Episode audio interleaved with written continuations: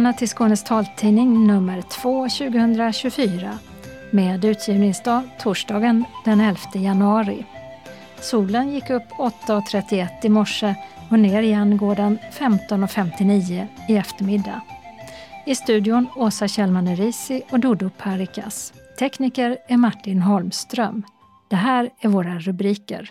Från och med årsskiftet görs kulturtidskrifter tillgängliga med hjälp av talsyntes istället för som tidigare av en inläsare. Höjda straff och sänkta skatter. Några av de nya lagar som började gälla vid årsskiftet. Diskrimineringsombudsmannen tar hjälp av film och broschyr i informationsinsats för att öka kunskapen om ledarhunds och assistanshundförares rättigheter. Han föddes med glaukom och förlorade synen på ett öga redan som ung, men har aldrig ångrat sitt yrkesval. Månadens ansikte är pensionerade onkologen Torgil Möller i Lund. Nu finns appen Seeing AI för personer med synnedsättning tillgänglig också för Android-mobiler. Att punktskriftsundervisning skrivs in i skollagen och att förpackningar ska punktskriftsmärkas det är två av de tio punkter om punktskrift som SRF kämpar för. Öppnat och stängt med livsmedelsbutiker och krogar så. Evenemangstips med syntolkad film och vårföreläsningar. Och kalendern med fotboll, författare och filmregissör. Anslagstavlan med meddelanden och ändringar i kollektivtrafiken är idag gemensam för hela Skåne. Och sist redaktionsrutan ett av Myndigheten för tillgängliga mediers, MTMs, uppdrag är att göra så kallade kulturtidskrifter som ges ut med stöd från Statens kulturråd tillgängliga för abonnenter med synnedsättning. Men från och med årsskiftet har myndigheten slutat med att, som tidigare, ge ekonomiskt stöd till respektive redaktion så att de kunnat ordna med inläsningar på egen hand. MTM ska istället själva omvandla tidskrifterna till taltidningar genom talsyntes på samma sätt som gjorts med dagstidningar sedan 2013, säger Cecilia Broberg, chef för enheten användarstöd på MTM. Jag menar, här fanns det möjligheter att använda samma eh, processer, samma infrastruktur, samma teknik för att även tillgängliggöra kulturtidskrifterna. Det skulle då göra att eh, de kunde produceras snabbare och mer kostnadseffektivt och därmed också då öppna upp för att fler kulturtidskrifter skulle kunna bli tillgängliggjorda på det här sättet. När ska ni börja med det här då? Det går ju igång nu i januari. Det är tre av de tidskrifter som vi har beslutat om stöd om för 2024 som har sina första nummer här under januari månad. Vilka tidskrifter är det? Senioren, Signum och Forskning och framsteg. MTM har vidgat definitionen för vad som räknas som kulturtidskrifter lite och inkluderar till exempel även medlemstidningar som just Senioren och Hem och Hyra. Medan de som kan söka ekonomiskt stöd via Statens kulturråd ska vara citat en tidskrift som med sitt huvudsakliga innehåll vänder sig till en allmän publik med kulturdebatt i vid mening. Eller som huvudsakligen ger utrymme för analys och eller presentation inom kultur och konstarter. Slutcitat. Bland de sistnämnda finns tidningar som innehåller exempelvis essäer, poesi och noveller. Men frågan är om det då kommer till sin rätt via talsyntes? Eh, vi har ju gått in i det här som ett projekt som vi ska utvärdera över tid och det är ju en av de sakerna som vi behöver följa, nämligen hur läsarna liksom uppfattar läsupplevelsen när vi har gjort den här förändringen. Nu händer det ju, eh, som du säkert vet, eh, väldigt mycket när det gäller talsyntes. Utvecklingen går ju fort inom det området. Rösterna blir ju bättre och bättre. Men det är en viktig aspekt som vi behöver följa noga så att man faktiskt får möjlighet att eh, få en bra läsupplevelse oavsett vad det är för material man läser. Men har ni gjort några test av detta? Eh, inte specifikt eh, där vi har utvärderat i det här sammanhanget men vi gör ju viss litteratur även med talsyntes men det är precis som du är inne på, det är viktigt att följa här nu hur läsarna av kulturtidskrifterna upplever detta. Och distributionen av de här kulturtidskrifterna, hur kommer den att gå till? Den kommer också gå till eh, enligt de modeller som vi har för dagstidningen som taltidning. Eh, och man kommer att kunna läsa då antingen via Legimus-appen eller via eller webben eller via Akila som är vanliga sätt att läsa dagstidningen som taltidning. Eller en Daisy-spelare? Ja, det är ju någonting som vi tittar på här då. Inledningsvis så kommer det att vara Akila eller eh, Legimus som vi rekommenderar. Och sen eh, är ju eh, det viktigt för oss att få en information från prenumeranterna om det är modeller som inte fungerar. För då får vi ju också se över CD-produktion och liknande. Så att om någon skulle behöva en CD-skiva fortsättningsvis också så är ni beredda på det och kommer kunna se över den möjligheten. Om det visar sig att, att det är nödvändigt så kommer vi att se över den möjligheten, ja precis. Och eh, vårt fokus här är ju liksom att vi tror att detta kommer på sikt att vara bättre för läsarna och det är ju eh, viktigt för oss att, att då eh, genomföra den förändringen. Men på vilket sätt kommer det att bli bättre för läsarna tror ni då? Eh, vi tror att det här öppnar upp för att fler kulturtidskrifter kan eh, komma att bli tillgängliga och där ser vi ju att det kan vara en stor vinst för läsarna då att det kan bli en breddning på sikt av antalet tidskrifter som man faktiskt har möjlighet att prenumerera på på det här sättet. Men kvaliteten på dem riskerar ju att bli lite sämre jämfört med hur det har varit innan. Eh, vi har ju eh, i de utvärderingar vi ser av dagstidningarna eh, relativt goda resultat och vi tror ju att detta även kommer att fungera väl för kulturtidskrifterna. Men precis som jag var inne på tidigare så är detta någonting som vi får utvärdera. Jag menar naturligtvis kommer vi att arbeta med att förbättra tjänsten också om vi ser att här finns saker som inte fungerar väl. Vi ser inte att vi kommer att gå tillbaka till tidigare modell med utbetalning av stöd men däremot får vi ju vara noga med att utvärdera hur väl eh, den här modellen fyller de behov som finns hos läsarna om, om vi behöver göra förändringar på vår produktionssida. Är det någon skillnad på vilka som är, alltså antalet som har ansökt om stöd nu? Är det några som har avstått av de som har sökt tidigare efter att den här förändringen ni har meddelat den? Ja, det är något färre i år än det var under förra året. Och det är ju någonting som vi också behöver vara uppmärksamma på naturligtvis om det gäller enbart i år och att det kommer att återgå till tidigare nivå eller vilket vi ju hoppas då kommer att vara fler tidskrifter framöver som ansöker om den här möjligheten. Eh, men i år är det ett drygt tiotal som ansökte.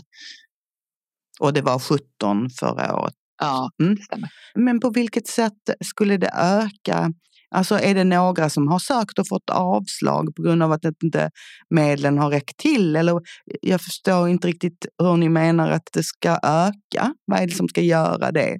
Så att säga? Det som vi eh, bedömer här är att det kommer att bli smidigare för tidskrifter som inte har möjlighet att själva administrera inläsning eh, och liknande utan då kan utnyttja den här modellen. Och det tror vi då kommer att innebära att fler kommer att eh, vara intresserade av att, att komma ut som taltidskrift. Vi kommer kontinuerligt att utvärdera med hjälp av undersökningar eh, bland prenumeranterna och bland de tidskrifter som använder sig av tjänsten för att fånga upp deras synpunkter på hur det fungerar om då ni får veta att det är många som inte tycker att det fungerar med talsyntesen, kommer ni att tänka om då? Kommer det här projektet att avslutas efter tre år eller på vilket sätt kommer ni att använda er av de kunskaper ni får via utvärderingen? Vi kommer att använda kunskaperna för att, att förbättra tjänsten. Vi kommer inte att gå tillbaka till tidigare stödmodell enligt eh, vad vi ser. Eh, men däremot så kommer vi ju att, att arbeta med att utveckla kvaliteten på tjänsten och det kan ju bli lite olika eh, vad det är vi väljer att göra där beroende på vad vi får för feedback i undersökningar. MTM har delat ut stödet sedan 2011 och även om det inte funnits någon fastslagen pott har summan och antalet tidningar som tagit del av den ökat successivt. 2023 var det alltså 17 kulturtidskrifter som delade på cirka en miljon. En av dem var funktionshinderpolitik, som också valt att ansöka om tillgänglighetsstödet i den nya förändrade formen. Tidningen ägs av organisationen DHR, men är redaktionellt fristående. Och Albert Martinsson är redaktör och ansvarig utgivare. Vi är en tidning som skriver om eh, villkor och delaktighet primärt för personer med nedsatt rörelseförmåga. Men vi skriver även om funktionshinderpolitiska frågor i större perspektiv, eh, eh, ur ett rättighetsperspektiv kan man säga. Jag är positivt inställd till den, eh, att gå över till en digital distribution. Det tror jag är, det är ju dit vi kommer gå. Eh, att hålla på och skicka skivor via posten känns ju lite obsolet, kanske redan idag. Samtidigt så känner jag en osäkerhet inför den här eh, hur läsarna ska uppleva att ta del av tidningen via talsyntes. NTM har ju utlovat en utvecklad talsyntes vad jag har förstått. Men eh, jag har inte hört hur den låter eller så, så jag kan inte bedöma det i dagsläget.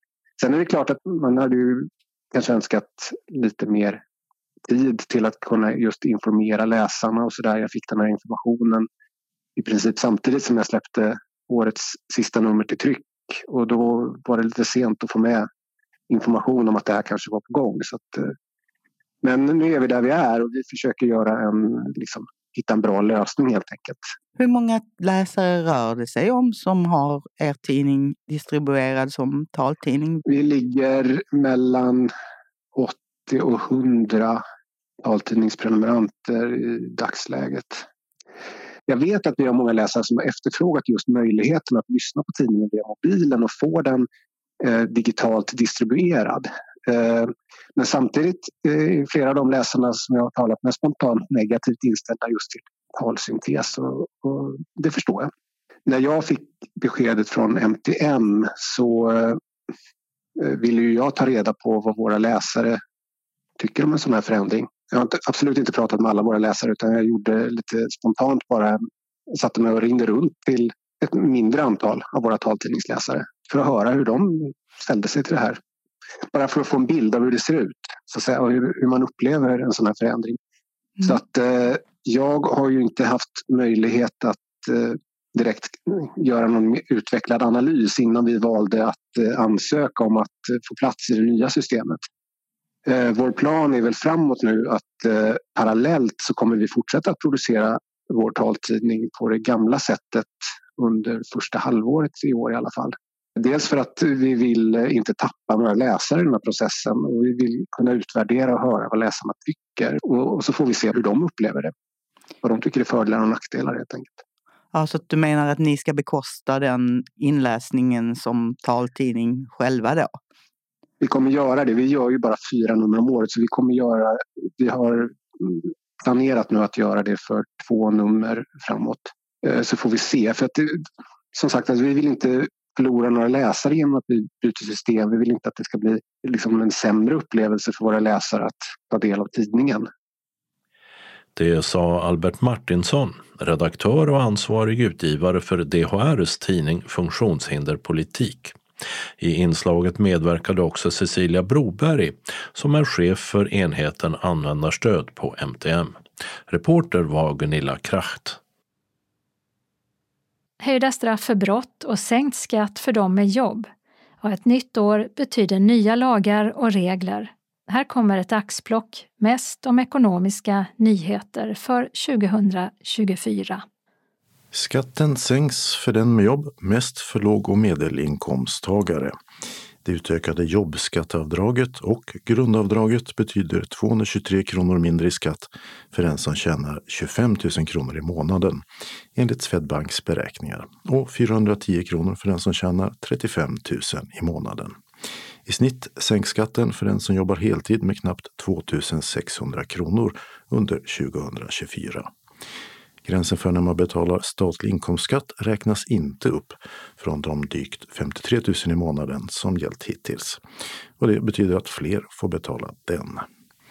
Pensionärer får också sänkt skatt och garantipensionen höjs. Enligt Dagens Nyheters beräkning kan man räkna med ungefär en tusenlapp mer i månaden. Men skatten sänks inte för de med bidrag som sjuk och aktivitetsersättning. Något som fått funktionshinderorganisationer att protestera mot vad de kallar en orättvis funkisskatt. Prisbasbeloppet höjs från 52 500 till 57 300 kronor, eller med 9,1 procent.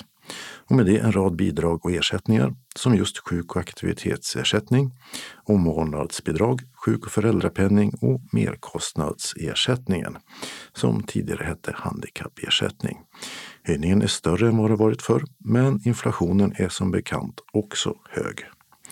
Och eftersom priserna ökar snabbare än inkomster förutspås de flesta hushåll få en sämre ekonomi i år.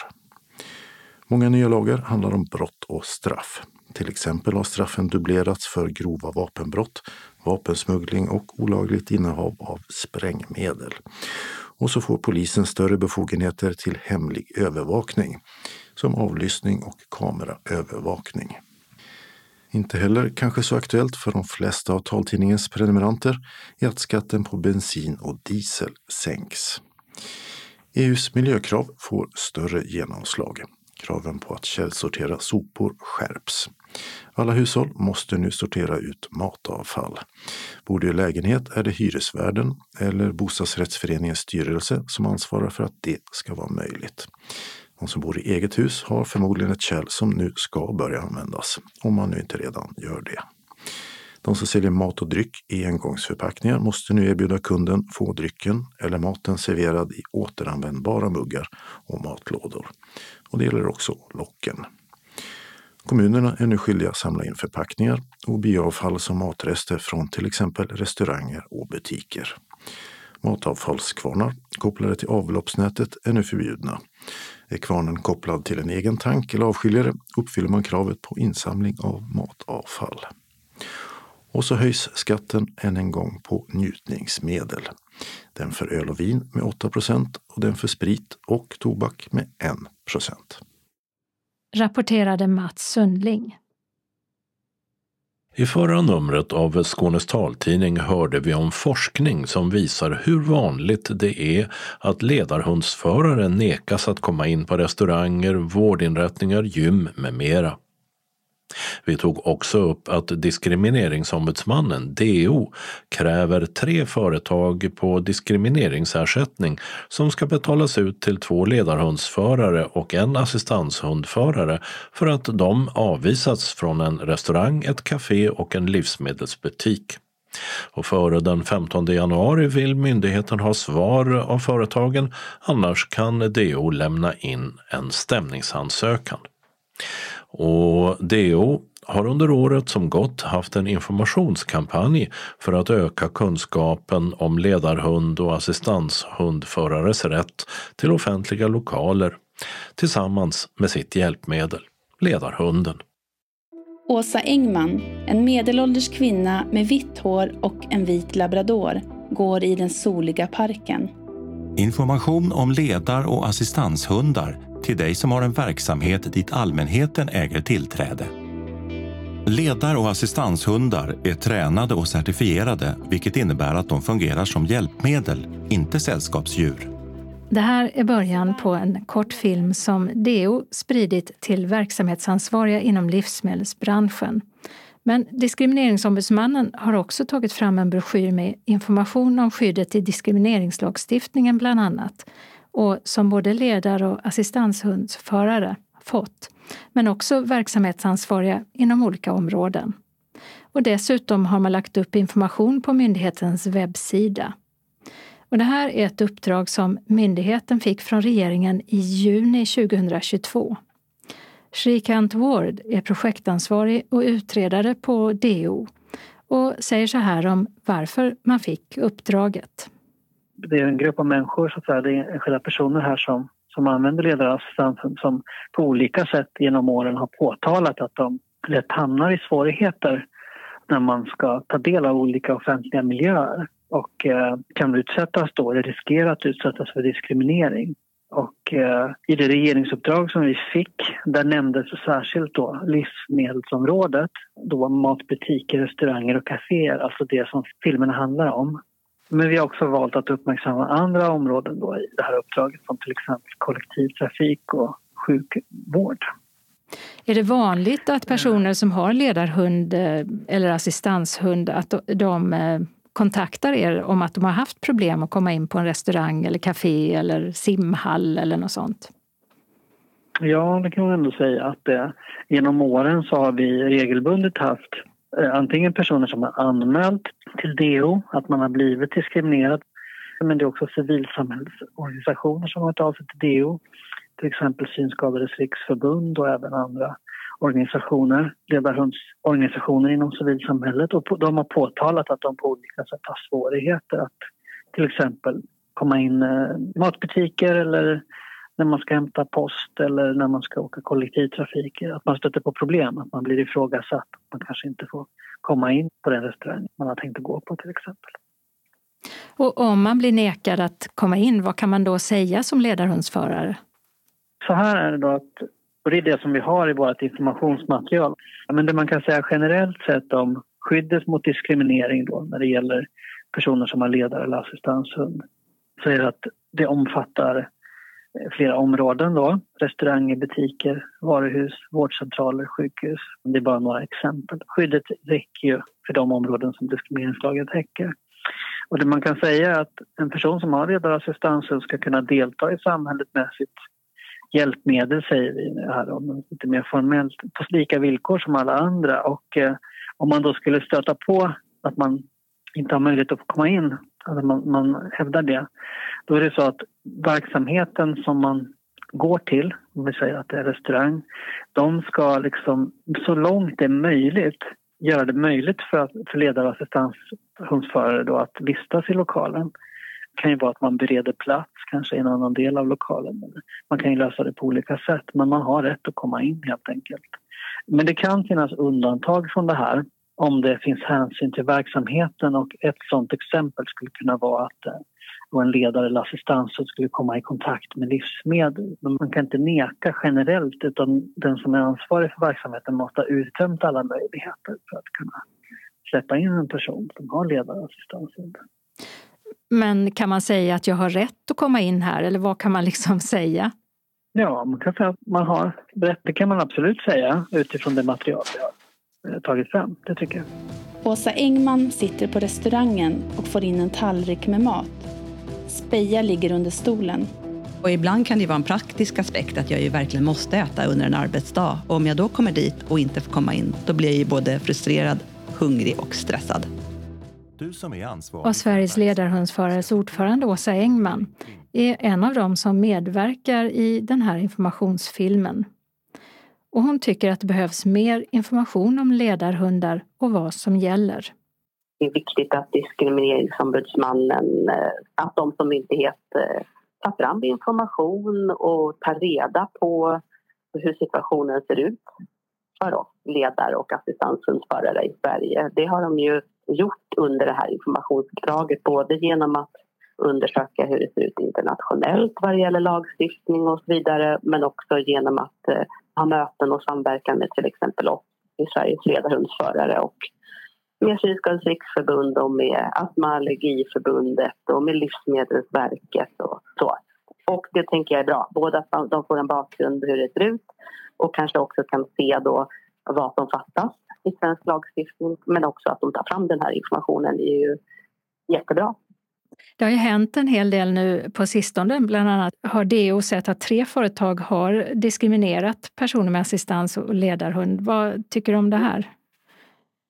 Ja, men det är ju jättebra. Och, uh, information behövs, men det behövs också sådana här sanktioner också. Och, och, de har ju krävt tre företag på begär att de ska betala ut diskrimineringsersättning till tre personer och processen är ju sån då om eh, de här företagen säger ja, vi förstår, vi har gjort fel, vi har diskriminerat, vi betalar ut den här diskrimineringsersättningen till de här personerna, då är ju det ärendet stängt eller vad man ska säga.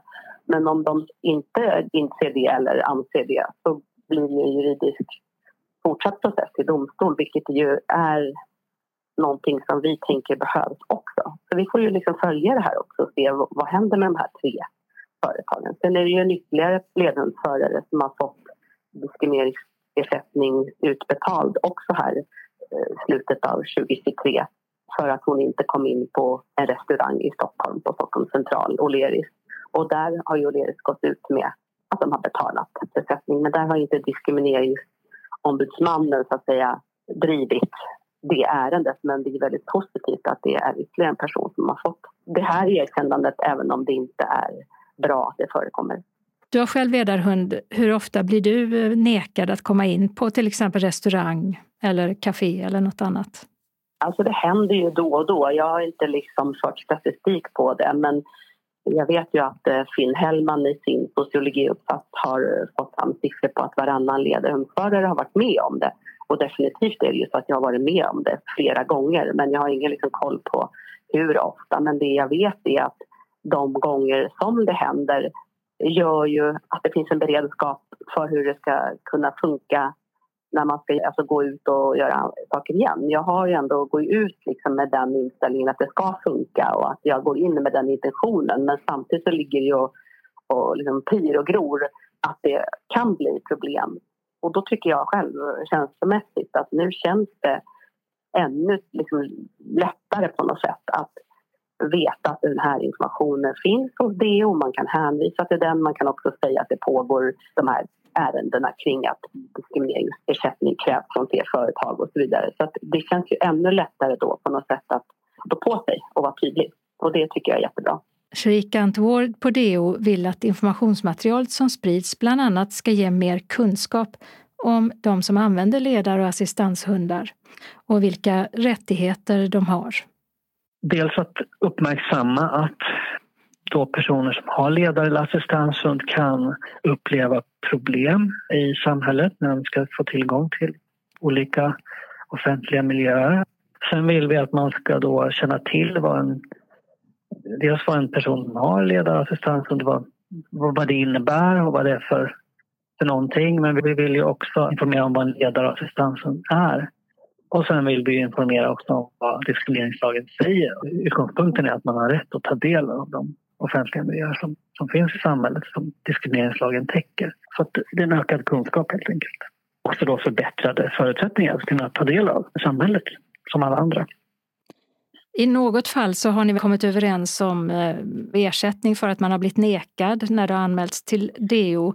Men det har väl aldrig prövats juridiskt i domstol? Vad skulle det innebära om eh, man fick ett avgörande i domstol? Ja, det skulle ju vara en kanske ökad tydlighet förstås för målgruppen vad, vad som gäller helt enkelt. I den mån man tycker att det känns oklart. Sen ska jag också säga i sammanhanget då att vår diskrimineringsombudsman heter Lars Arrhenius och under hans ledning så har myndigheten ändrat sitt sätt att arbeta på. Innan han jobbade här då utredde vi betydligt färre ärenden och vi hade betydligt färre anmälningar. Men han har jobbat väldigt mycket med individens upprättelse som han benämner det som. Att man ska kunna anmäla till DO och vi ska också utreda de här ärendena förstås och i den mån det är möjligt så ska vi också driva de här ärendena vidare till domstol för klargörande. För i de fall där det är oklart så är det bra att reda ut det så mycket som möjligt som det går. Och det, det är ett led i och en del i myndighetens nya sätt att arbeta på. Så därför så är det också viktigt att om man upplever sig diskriminerad att man anmäler det till oss så att vi får kännedom om vad som har hänt och kan utreda det. Det sa Shrikant Ward på DO. Tidigare hörde vi också Åsa Engman, ordförande för Sveriges ledarhundsförare. Reporter Åsa Kjellman Erisi. Radio är ett begrepp som naturligtvis inte fullt ut kan sammanfatta 86-årige professor emeritus Torgil Möllers liv. Men nog har det spelat en stor roll.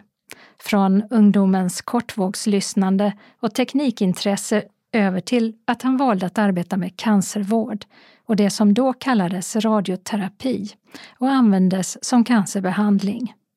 Månadens ansikte, Lundabon, läkaren och forskaren Torgil Möller har också haft en synnedsättning hela livet och är numera helt blind. Men vi börjar ändå med en bild. Den är från 1950-talet, föreställer honom själv som allvarlig ung gymnasist i diagonalrandig slips. Och vi frågar om Torgil Möller minns den. Ja, det tror jag. Jag sitter vid ett skrivbord. Va? Ja. Med en världskarta bakom mig. Ja. Det är ett eh, ungdomskort. Det är när jag var gymnasist. 1954 tror jag det är taget. Och eh, jag sitter väl och gör någon eh, hemläxa i matte eller någonting sådant. För jag har för mig att där ligger en räknesticka vid sidan om. För det hade man på den tiden. Berätta om du tänker tillbaka. Vem var han? Vem var du då? Jag eh, siktade nog på antingen att läsa teknisk fysik vid Chalmers eller medicin i Lund. De två alternativen. Och då fick man ju ha betyg så det räckte. Han ser väldigt målmedveten ut i mina ögon. Ja, eh, och anledningen till att det, det blev eh, de valen och framförallt teknisk fysik som jag funderade på, det blev ju inte det. Det var att jag har alltid varit väldigt tekniskt intresserad. Jag har eh, sysslat väldigt mycket med radio och byggt radio och eh, eh under gymnasietiden skulle man göra enskilt arbete och jag byggde en katodstråle-oscillograf. Det får du förklara. Det är i princip en, en liten tv-skärm där man kan projicera kurvor beroende på vilka elektriska signaler man har skickat in till den här apparaten. Och så kan man avläsa till exempel eh, ljudfrekvenser från en mikrofon eller någonting annat. Men stack du ut genom att göra nej, det här som ett nej, sånt arbete? Inte på något vis. Vi var ett stort kompisgäng och eh, jag är uppvuxen i Trelleborg, Söderslätt. Och det var väldigt många eh, klasskamrater som kom ifrån gårdarna runt omkring.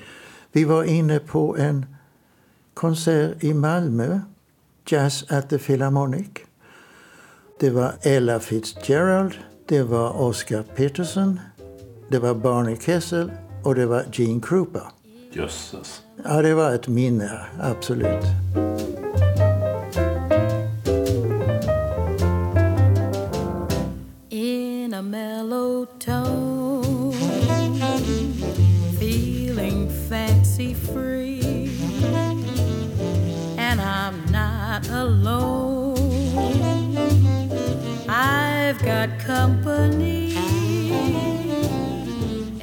Några stycken som eh, sysslat med radio och DXing kortvågslyssning. Man skulle få in radiostationer så långt bort ifrån som möjligt. Helst med egen byggd apparatur. Men det blev medicin ändå. Hur, hur kom det sig? Ja, jag tänkte egentligen blir nog teknisk fysik i längden allt för abstrakt och eh, matte var väl inte min allra bästa sida. Det var mer fysik och kemi som jag gillade väldigt skarpt. Och det, det har man ju användning för inom medicinen. Där finns ju så oerhört många val man kan göra. Och eh, jag var relativt tidigt inne på min specialitet, nämligen radioterapi. Som ingenting har med DXing och kortvåg att göra. Men det är en teknisk specialitet. Och då talar vi cancervård. Ja, jag tror inte begreppet radioterapi säger eh, yngre personer idag någonting. Det gör det inte för att radioterapin eh, som den var då, den har ju helt förändrats. Ju. Dessutom har ju specialiteten bytt namn till onkologi. Och det gjorde den på 70-talet. Men när jag började, jag hade mitt första vikariat på radiologiska kliniken som det hette då, jubileumskliniken, 1958. Och då var det radioterapi och eh, jag har min specialistkompetens i radioterapi. Hur eh, var det med synen? Du har en synnedsättning som började tidigt och nu är du helt blind. Men ja. hur var det då? Jag har eh, ett medfött glaukom och vi det upptäckte far och mor väldigt tidigt. Jag var några månader och väldigt, väldigt ljuskänslig så att eh, då konstaterade man eh, glaukom och eh, jag opererades någon gång nio månaders ålder någonting och sen en gång till vid fyra års ålder.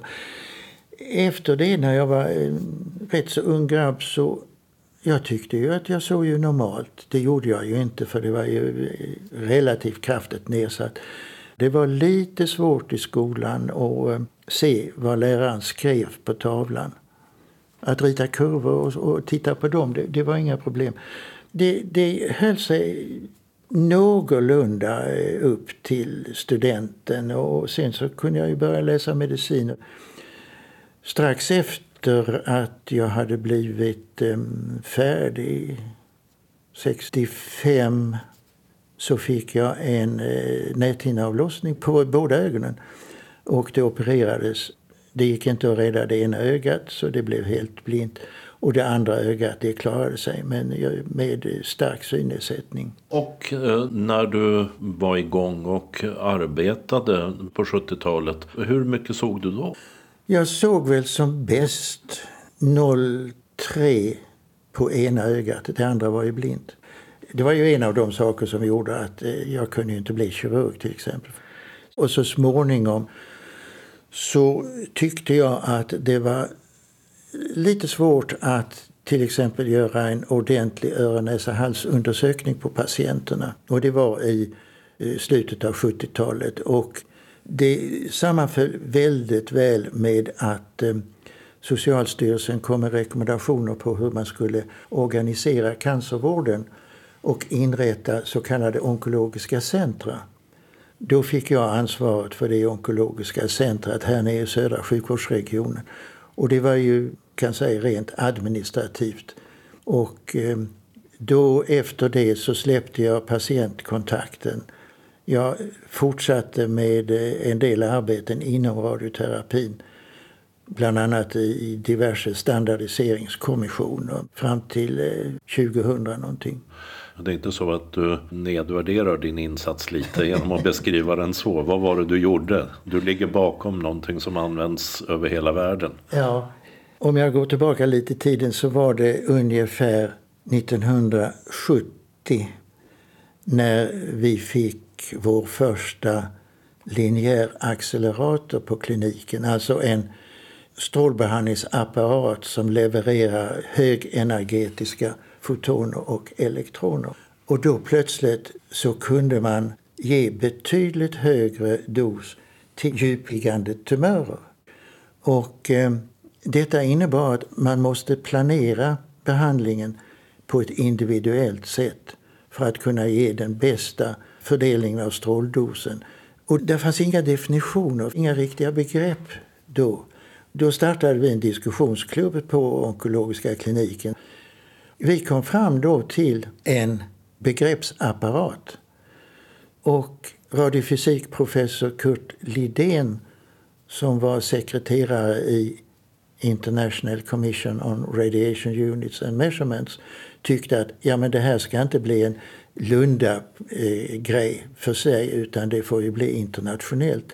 Och det blev internationellt. Det finns eh, filmade inslag där man ser Torgil Möller på resor till olika länder samarbetande med kollegor kring en framväxande gemensam terminologi som skulle göra så att onkologer världen över förstod varandra i behandlingssammanhang. Vi kunde tala samma språk plötsligt. Och eh, de här kriterierna de eh, ska man använda för att beskriva hur man har gett en behandling så att andra kan reproducera den.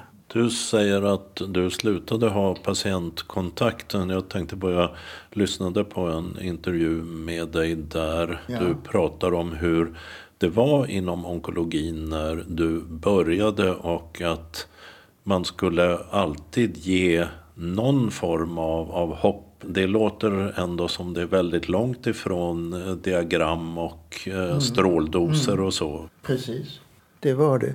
Och det, det var en väldigt eh, fin stämning på kliniken och just det här med att det var inte eh, hopplöshet som präglade utan det fanns alltid någonting man kunde erbjuda patienterna. Vi hade inte så där väldigt många olika, vi hade ju inga cytostatika på den tiden. Det fanns andra möjligheter och eh, man kan säga att det var väl förstadiet till den moderna palliativa behandlingen som, som vi utvecklade då.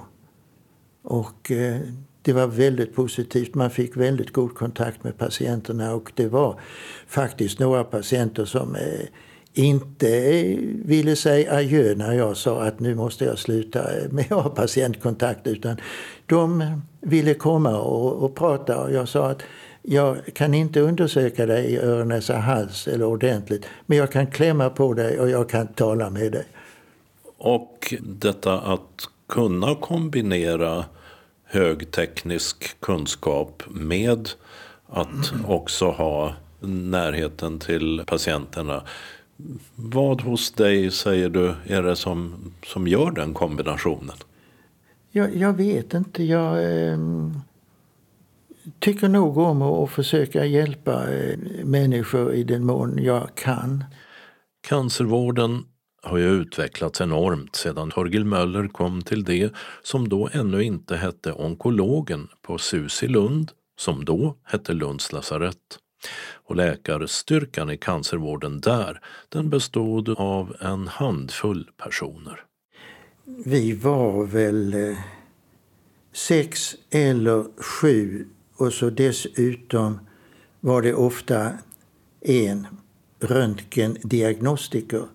Därför att på den tiden så fanns det en specialitet som hette röntgendiagnostik och röntgenterapi. Det fanns alltså röntgenterapiapparater ute på många av eh, centrallasaretten. De försvann ju när sen högvåldsbehandlingarna kom. Men annars, sex, sju på hela onkologin här i Lund? Ja, visst. Vi hade som maximum nästan 100 vårdplatser. Fanns det någonsin någon situation där du kände att upp det här med cancer, det är ju så jobbigt för de som drabbas och för deras omgivning och människor avlider och att du har känt att nej, nu tar jag bakdörren ut? Aldrig. Jag vet unga kollegor som kom och eh, till exempel gjorde någon sommarjobb eller eh, de kom eh, på olika kurser till oss. Och det var många av dem som tyckte att det var förfärligt att här skulle man inte kunna arbeta. Men det är också väldigt många som har den samma inställning som jag har och eh, har blivit där och utvecklat just den här vad ska man säga, empatiska eh, sättet att eh, ta hand om patienter och, och vårda den här kontakten mellan patient och läkare. Jag har aldrig drabbats av, av tvivel. Nu ska du få göra det som eh, vi alltid ber om i de här porträtten. Berätta hur du ser ut. Ja, det, det är inte så lätt för det var väldigt länge sedan jag såg mig själv. Men eh, jag är 1,80 lång för ögonblicket. Jag var 1,85 som längst en gång i tiden.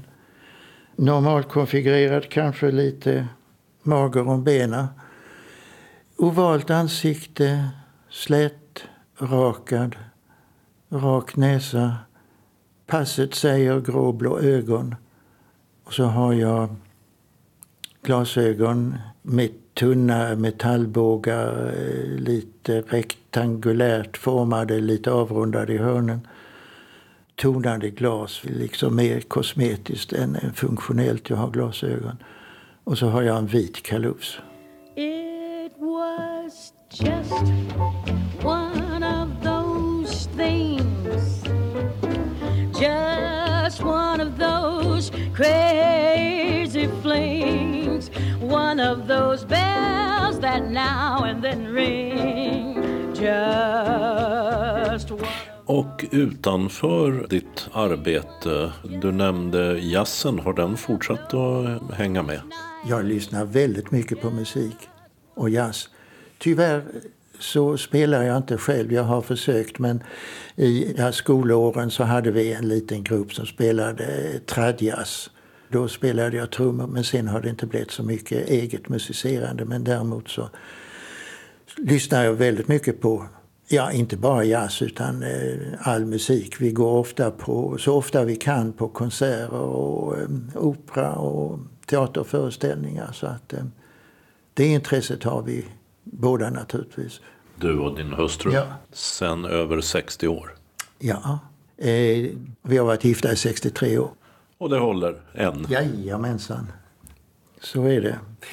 Och eh, synskadesammanhang, du är ju ett vanligt förekommande ansikte på eh, SRF Lundabygden. Ja, det är det jag är inte så där jätteflitigt av och till. Eh, under tidigare år så satt jag med i styrelsen. Nu är jag lite mer perifert men eh, lite aktiv ändå. Ett av de eh, saker som vi organiserade nyligen, det var framförallt Ann-Kristin Fast som höll i det. Det var en studiecirkel om det astronomiska uret i Lunds domkyrka. Och det var väldigt trevligt. Men har din eh, tekniska kunskap varit till nytta i det här sammanhanget på något sätt? Ja, jag hittade faktiskt för ett tag sedan gamla ritningar som jag hade gjort eh, ja, på 60-talet. Då hade jag fått för mig att jag skulle bygga ett astronomiskt ur. Så jag hade suttit och räknat ut kugghjul och sådana saker för att få ett planetarium, alla planeterna, att gå på rätt håll och i rätt tid. Varför blev inte det av? Jag hade inte tillgång till den finmekaniska verkstad som man skulle behöva då. Är det någonting du vill eh, tillägga? Inte annat än att eh, det finns väldigt mycket man kan göra trots att man eh, är blind.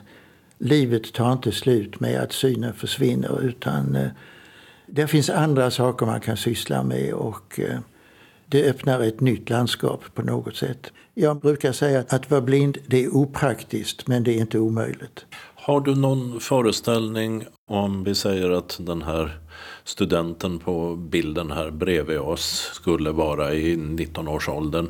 Idag, skulle han ha samma chanser som du eller har världen blivit så komplex att det är svårt? Eller är det så att alla hjälpmedel gör istället att det skulle vara lättare? Har du någon idé om det?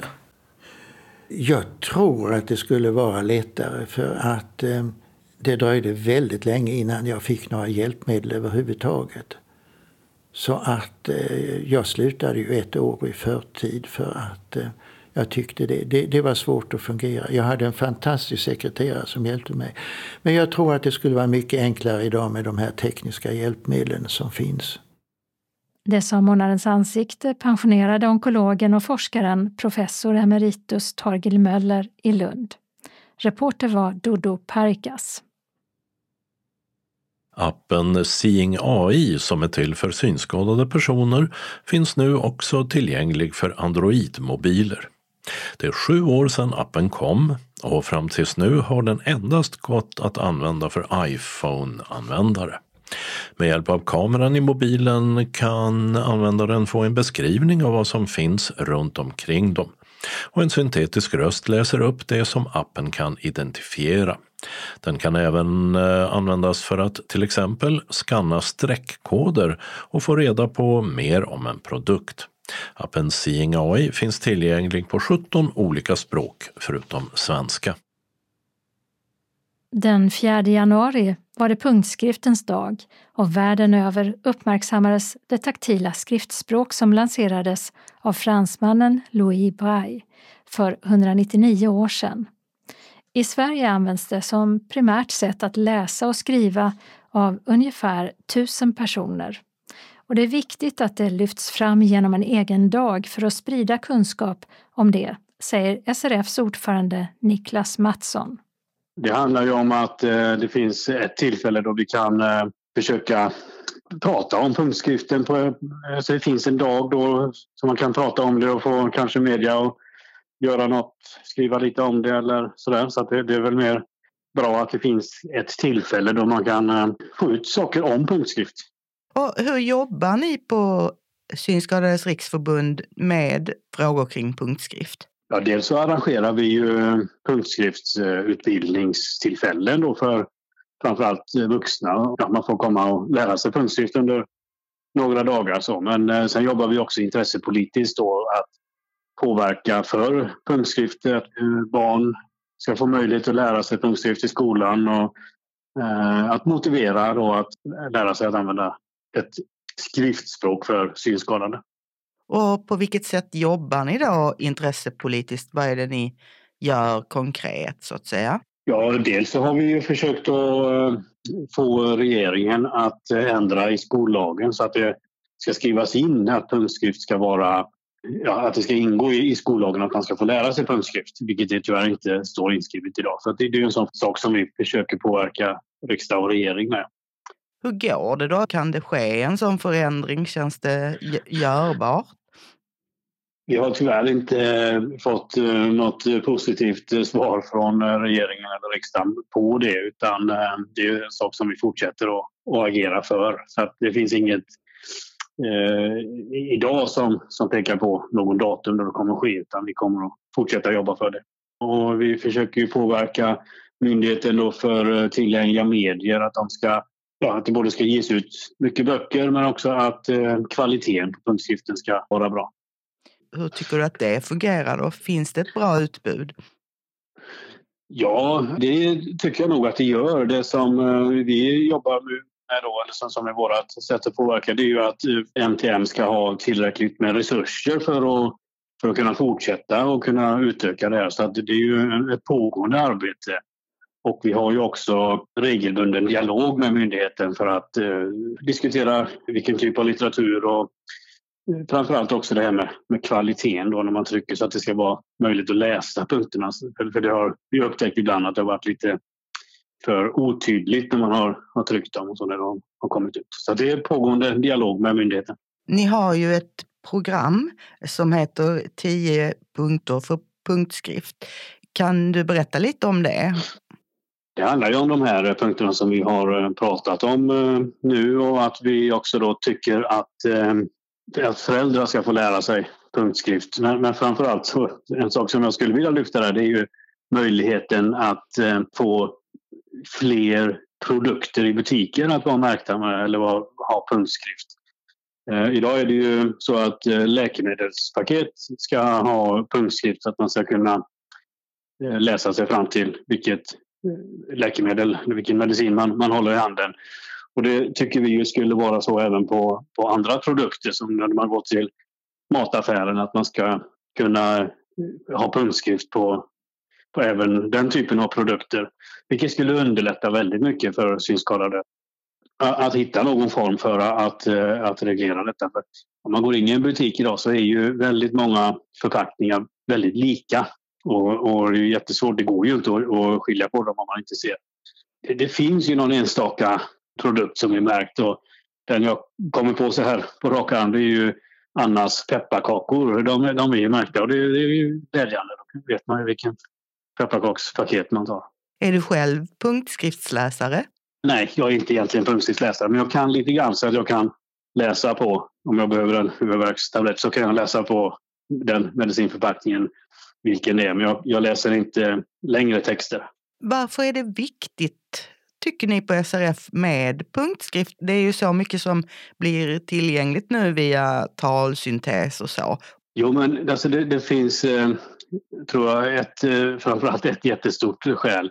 Man behöver ett eget skriftspråk. Man behöver kunna ta till sig text och veta bokstäverna när du lyssnar som, som, som vi då gör väldigt mycket, då får man ju inte någon koll på stavning. Och, och för att få det och för att därmed få också ett bättre språk så, så är punktskriften väldigt viktig. Eh, många av oss som, som inte har läst punktskriften gick i, i skolan har ju väldigt dålig stavning.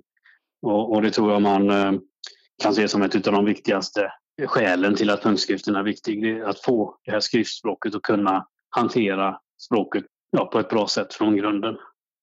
Hur ser du på ert påverkansarbete då?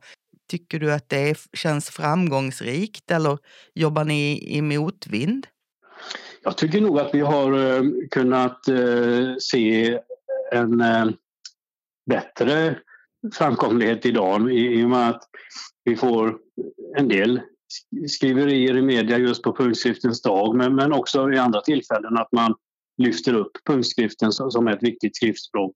Så jag, jag, skulle nog säga att vi, det går framåt. Sen, sen så går ju allt sånt här arbete väldigt långsamt men jag skulle ändå säga att vi har ett mer fokus på på frågan idag i media och så. Så att det, det, på det sättet så tror jag att vi har, ja, att det går framåt. Men vi kunde absolut lyckas ännu bättre. Det hade ju velat såklart. Det sa Niklas Mattsson, förbundsordförande för Synskadades riksförbund och det intressepolitiska programmet 10 punkter för punktskrift finns på deras hemsida srf.nu. Gunilla Kracht intervjuade. Öppnat och stängt. I Ystad har livsmedelsbutiken Ritai Livs flyttat in i nya större lokaler på Stora Östergatan 1 där det tidigare låg en barnklädesbutik. Och i Åstorp på Hyllinge handelsplats har hästsportbutiken Hök och livsmedelskedjan Willys öppnat nya butiker. I Malmö har den chilenska krogen Paloma öppnat på Frisgatan 8. I lokalen där bland andra krogen Rebell legat tidigare. Nu serveras där saker som havsabborre, ceviche och kycklinggryta med koriander. Och I Malmö har Syriana Sweets and Café bommat igen efter några år på Södra Förstadsgatan 78. I Simrishamn har La Lune Café öppnat på Stora Rådmansgatan 5. Caféet har öppet alla dagar i veckan mellan klockan 8 till 19, förutom på söndagar då det är stängt. I Bjuv har Bjuvs konditori stängt efter att ha funnits på orten sedan 1961. Evenemangstips. Och som så ofta börjar vi med syntolkad film. Spelfilmen Lärarrummet är Tysklands Oscarsbidrag. Berättelsen kretsar kring Karla, en ambitiös ung lärare. Och en av hennes elever anklagas på fördomsfulla grunder för stöld. Men eh, Carlas misstankar går åt ett annat håll och hon bestämmer sig för att göra en egen utredning. Ett ödesdigert beslut som skapar stora konflikter mellan elever, föräldrar och lärare. Filmen har syntolkning och uppläst text för biobruk. Den har tidigare förhandsvisats på svenska biografer under titeln Den svarta tavlan. Pianisten Martin Dahlöf ger sin diplomkonsert på Palladium Södergatan 15 i Malmö 16 januari 19 till 20.30. Det blir musik av Anders Nilsson, Beethoven och Skriabin. och det är fri entré. Det är det dock inte för gitarristen Fred Holmlunds diplomkonsert på Malmö Live tillsammans med Malmö symfoniorkester MSO 18 januari 19 till 20.30. De framför då Concierto de Aranjuez av Joaquin Rodriguez. Biljetterna kostar 160 till 460 kronor. Föreställningen Fyrvaktare presenteras som en existentiell exposé, musikdramatisk föreställning, tragikomisk enmansshow och skådespel i gränslandet mellan spoken word och stand-up av och med Viktor Ståhl Segerhagen. Spelas 17 och 18 januari 18.00 på Blå båten som ligger vid kajkanten intill Anna Linds plats i Malmö. Kulturcentralen säljer biljetterna som kostar 150 kronor fullpris. Studenter, ungdomar, arbetslösa och pensionärer betalar 100 kronor. Vårens föreläsningsprogram Skåne runt drar igång. Här följer några aktuella exempel. Tommarps föreläsningsförening på Östra Tommarps hembudsgård på Österlen inleder med operasångerskan Carolina Sandgren 18 januari 19.00. Hur lever en operaprimadonna är rubriken. Första februari talar historikern Joanna Wadenbring om kvinnoöden under skånska kriget. Terminskort med sex föreläsningar kostar 200 kronor, en gång 70 kronor. Information finns på telefon 0709 65 35 96. På Farstorps hembygdsgård mellan Bjärnum och Hästveda berättar Ulla Stridsberg om Vietnam, kontrasternas land, 28 januari 18.00. Medlemskap 150 kronor och då ingår ytterligare två föredrag. Annars 60 kronor per gång. Information 0705 50 37 82. Hörs föreläsningsförening samlas i Ekumeniakyrkans samlingssal Eriksgatan 6 där Tom Glans föreläser 22 januari 19.00 på temat Att få en annan far på äldre dagar. Och 12 februari, också klockan 19, berättar Alexandra Hibolin om Svenska Akademins ordbok som är klar efter 140 års arbete. Hibolin ingår i redaktionen. Årskort 200 kronor, då ingår fem föreläsningar. Annars 70 kronor per tillfälle. Kontakttelefon 0705 15 33 07. Kvidinge föreläsningsförening håller till i hembygdshallen Templaregatan 5 i Kvidinge. Årskort 250 kronor, en föreläsning 50. 28 januari 19.00 föreläser författaren Conny Palmqvist om Sundets röda nejlikor, som också är titeln på hans bok om stödet till danska judars flykt 1943, främst ur ett Helsingborgs perspektiv. Och 18 februari klockan 19 talar minnesmästaren och Lundaläraren Martin Nilsson om jakten på den försvunna konsten att komma ihåg. Kontakttelefon för Kvidinge 0706 18 20 26. På Flyinge församlingshem Tunavägen 3 Flyinge hålls Gårdstånga Holmby föreläsningsförenings föredrag. 31 januari 1915 är temat de danska judarnas flykt över Öresund 1943, då med författaren med mera Henrik Valentin. Och 14 februari samma tid berättar reseguiden Kristin Rosenqvist om Capri, Sorrento och Amalfikusten i Italien. 30 kronor per föredrag eller 150 kronor för medlemskap och fem föreläsningar. Information finns på telefon 0709 91 60 95. En entimmeskonsert med Edward Elgars Enigma-variationer spelas av Helsingborgs symfoniorkester, HSO, i Helsingborgs konserthus 24 januari 18.00. Biljettpris 85 till 345 kronor beroende på publikens ålder, placering i salen och rabatter.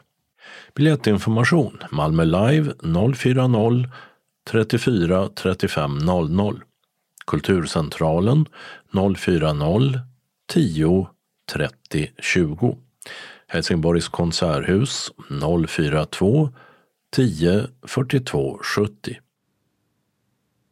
Kalendern för 2024 års tredje vecka tar sin början måndagen den 15 januari då Laura och Lawrence har namnsdag.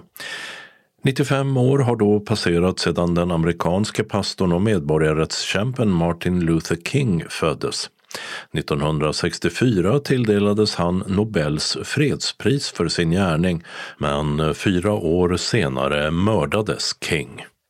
För att hedra hans minne är tredje måndagen i januari nationell helgdag i USA. I år så sammanfaller dagen med Kings födelsedag.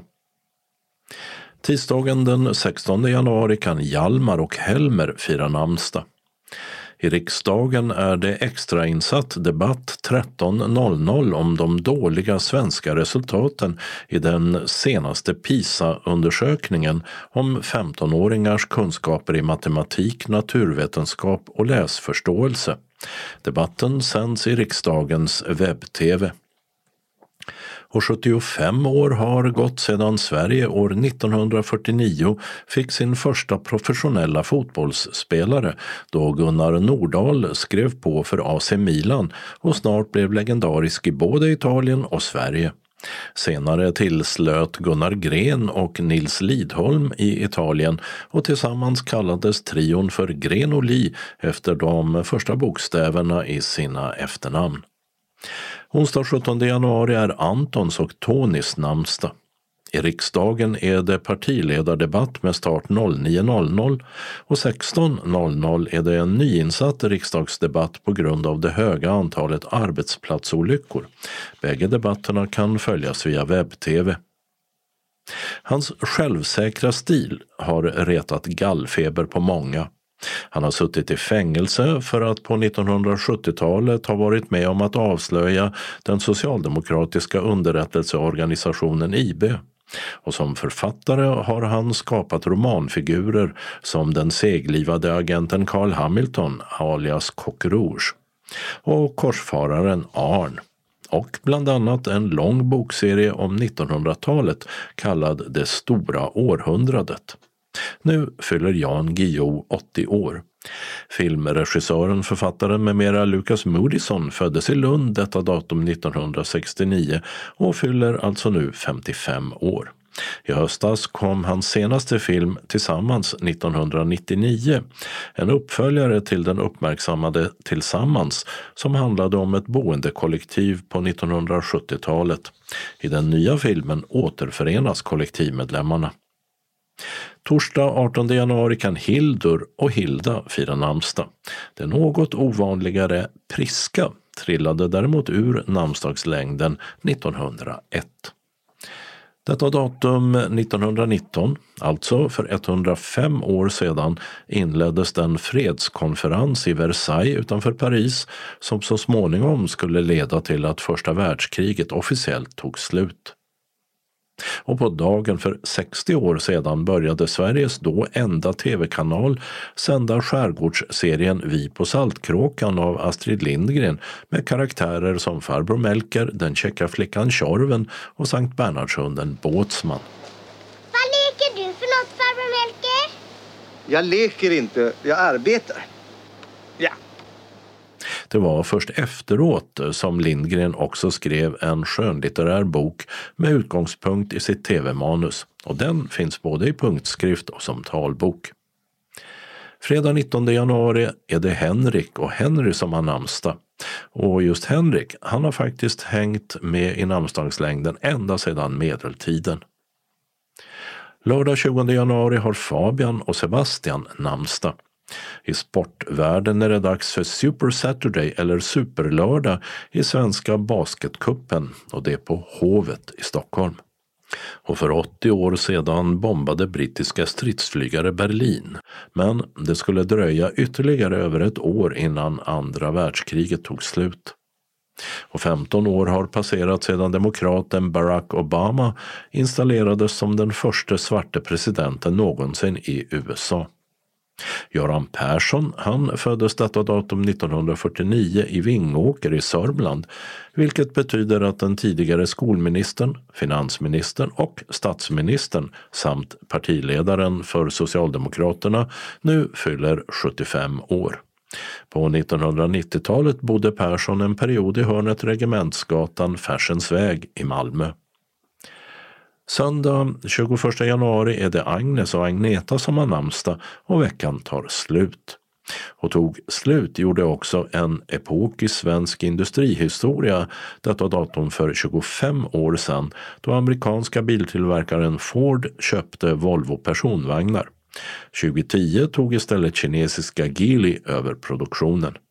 Och i Österrike där börjar en vecka med VM i skidorientering.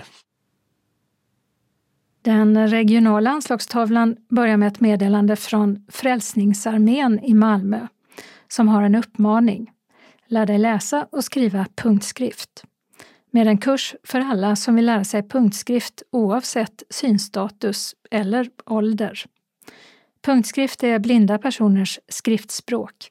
Ett skriftspråk behövs för samhällsinformation, att kunna kommunicera, att kunna rösta i allmänna val etc men också för så enkla saker som att kunna märka sina kryddburkar eller de olika laddarna till telefon, dator, radio och hjälpmedel hemma. Kursstart torsdag den 8 februari klockan 17 och platsen är Frälsningsarmén, Hyregatan 3B i Malmö. Anmäl dig till e-post mackan.andersson frälsningsarmén.se eller bara kom till första tillfället. För er som vill gå men inte kan börja nu, skicka kontaktuppgifter för vi kommer att starta en uppsamlingsgrupp för dem för vilka den här tiden inte funkar. Hälsar Mackan Andersson, ansvarig för Frälsningsarméns verksamhet bland människor med hörsel eller synnedsättning. SRF Malmö Svedala bjuder in hela Skåne till bastubad. Nu fortsätter vi med bastubad under våren 2024. Vi börjar redan den 18 januari och avslutar säsongen den 25 april. Vi träffas varannan torsdag ojämna veckor mellan klockan 18 till 21. Och vi badar bastu tillsammans och de som är modiga nog tar ett dopp i Öresund. Du tar själv med dig det du anser att du behöver under kvällen. Badtofflor är bra för oss som tänker sig ut i sundet. Ops! Det kommer att vara gemensam bastu. Anmäl dig till kansliet på 040 25 05 40 eller info srfmalmo.se senast torsdagen för aktiviteten före klockan 12. OBS gäller endast för medlemmar utanför Malmö Svedala. Reseersättning utgår från SRF Skåne för resor utanför Malmö Svedala efter att de fått kvittot inom tre månader efter att aktiviteten är genomförd. Om du får förhinder eller har frågor ring Maj-Britt Ryman 070-324 6609 eller Mikael 076 191 04 66. Välkomna hälsar styrelsen. Den lokala anslagstavlan är idag gemensam för hela Skåne och börjar med ett meddelande från Synskadades förening Kristianstad-Bromölla samt Östra Göinge som bjuder in sina medlemmar till vattengymnastik varje fredag klockan 12 till 13 i CSKs varmvattenbassäng med start den 2 februari och till och med den 3 maj. I första hand bereds platser till synskadade, i mån av plats till övriga medlemmar. Om du får en plats kontaktas du via telefon senast 29 januari. Och det är ett stort intresse av att delta och därför så behöver du som fått en plats nyttja den. Får du förhinder, vill avsäga dig platsen, kontakta oss så fort som möjligt så att någon annan kan erbjudas platsen. Max antal deltagare är 12 stycken. Anmälan görs till Anita Svensson, telefon 044 533 09 senast tisdagen den 25 januari. När Anita är förhindrad att svara i telefon, var vänlig anmäl på telefonsvararen eller lämna namn och nummer så ringer hon upp. Anmälan kan också göras på anitasvensson109 gmail.com. Det kostar 300 kronor per termin som betalas in på bankgiro 899-9245 eller via Swish nummer 12 33 66 93 48. Uppge namn och aktivitet vid inbetalning. Anmälan är bindande. Varmt välkomna till nyttig men skonsam motion för hela kroppen. Så några meddelanden från SRF Malmö Svedala. Först en notis. Vi vill göra er påminda om att vecka 2 och 3 är lokalen stängd för aktiviteter på grund av renovering av vattenläckan. Men kansliet kommer att svara i telefon och på mejl precis som vanligt. Hoppas på förståelse, styrelsen. SRF Malmö Svedala har också ett studieprogram vårterminen 2024. Måndagar eftermiddag klockan 13.45 till 17 och det startar måndagen den 15 januari. Keramik. Kursen hålls i ABFs lokal på Porslinsgatan 3 till 5 och leds av Matteo. Du får lära dig att använda leran och dreja eller kanske vill du hellre använda fantasin och trycka eller kavla ut leran till olika föremål. Cirkeln genomförs i samarbete med ABF. Priset för kursen är 600 kronor för 15 träffar och du betalar själv för den lera du förbrukar. Tyvärr hinner vi inte skicka bekräftelse och inbetalningskort innan kursen startar, men kommer snarast. Tisdag förmiddag klockan 9.30 till 12. Startar tisdagen den 9 januari. Vävning. Kursen hålls i ABFs lokal och leds av Lydia. Priset för kursen är 390 kronor för 13 träffar och du betalar själv för materialet. Och tyvärr hinner vi inte skicka bekräftelse och inbetalningskort innan kursen startar, men kommer snarast. Onsdag förmiddag klockan 9.30 till 12 och det här startar onsdagen den 14 februari och det är uppehåll den 21 februari. Malmös historia. Kursen leds av Jeanette Rosengren, författare och poddare och kursen hålls i föreningens lokal, Wendels Fridsgatan 13 och under kursen tar vi en fika med smörgås eller kaka för 10 kronor. Cirkeln genomförs i samarbete med ABF. Priset för kursen är 300 kronor för 10 träffar. Onsdag eftermiddag klockan 13 till 15.30. Startar onsdagen den 14 februari. Aktuellt i litteraturen. Cirkeln tar upp nya och gamla böcker som skrivits av både svenska och utländska författare samt att vi fördjupar oss i olika författare och leds av Camilla Kronholm. Kursen hålls i föreningens lokal och under kursen tar vi fika med smörgås eller kaka för 10 kronor. Cirkeln genomförs i samarbete med ABF och priset för kursen är 300 kronor för 10 träffar. Torsdag eftermiddag klockan 12.45 till 13.45 startar torsdagen den 25 januari med yoga. Programmen består bland annat av medveten andningsträning, mjuka fysiska övningar, avslappning och meditation och leds av Ira Gyllingberg. Kursen hålls i föreningens lokal och genomförs i samarbete med ABF. Priset för kursen är 450 kronor för 15 träffar. Anmälan. Är du intresserad av en eller flera kurser så anmäl dig på telefon 040 25 05 40 eller mejla till info srfmalmo.se. Kansliet öppnar igen efter julledigheterna måndagen den 8 januari och sista dagen att anmäla sig är måndagen den 22 januari. Före kursstarten skickas kallelse och inbetalningskort ut till alla anmälda. Varmt välkommen till en givande och trevlig kursgemenskap hälsar styrelsen.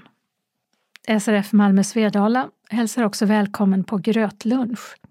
Fredagen den 26 januari klockan 13 träffas vi för att äta hemlagad risgrynsgröt med saftsås i vår lokal på Vendes Frisgatan 13 i Malmö. Och det avslutas med kaffe och en liten kaka. Färdtjänst kan beställas hem till klockan 14.45. Du betalar kontant på plats eller med Swish till 123 077 8050. Glöm inte att skriva gröt och namnet på deltagaren vid betalningen. Är du medlem betalar du 50 kronor, övriga betalar 70 kronor. Vill du vara med så anmäl dig senast tisdagen den 23 januari. Glöm inte att anmäla allergi. Varmt välkomna hälsar styrelsen. Vi har också ett meddelande från SRF Västra Skåne om en onsdagsträff den 17 januari klockan 13 till 15.30 i SRFs lokal på Vaktgatan 3 i Helsingborg. Fikaavgiften är 30 kronor, bingobricka 10 kronor per styck. Idag blir det bingo. Anmäl dig senast tisdagen den 16 januari klockan 12 till kansliet på telefon 042 15 83 93 eller mejl srfvastraskane srf.nu. Om du står på den fasta listan behöver du bara meddela om du inte kan komma. Välkommen! Vi har några ändringar i kollektivtrafiken och först gäller Helsingborg. Ett vägarbete på Mogatan där berör resenärer på linje 25 och pågår fram till den 4 mars. Innebär att hållplats Pinnmogatan, läge A och B stängs och resenärerna hänvisas till en tillfällig hållplats, läge X och Y, cirka 120 meter söderut på Mogatan. Vi har också en tillfällig ändring i busstrafiken i Malmö och då gäller det Nobelvägen och resenärer på linje 3 från den 15 januari klockan 4 på morgonen till den 29 februari klockan 15 på eftermiddagen. På grund av ett arbete med ombyggnation stängs hållplats Älvstorp läge C.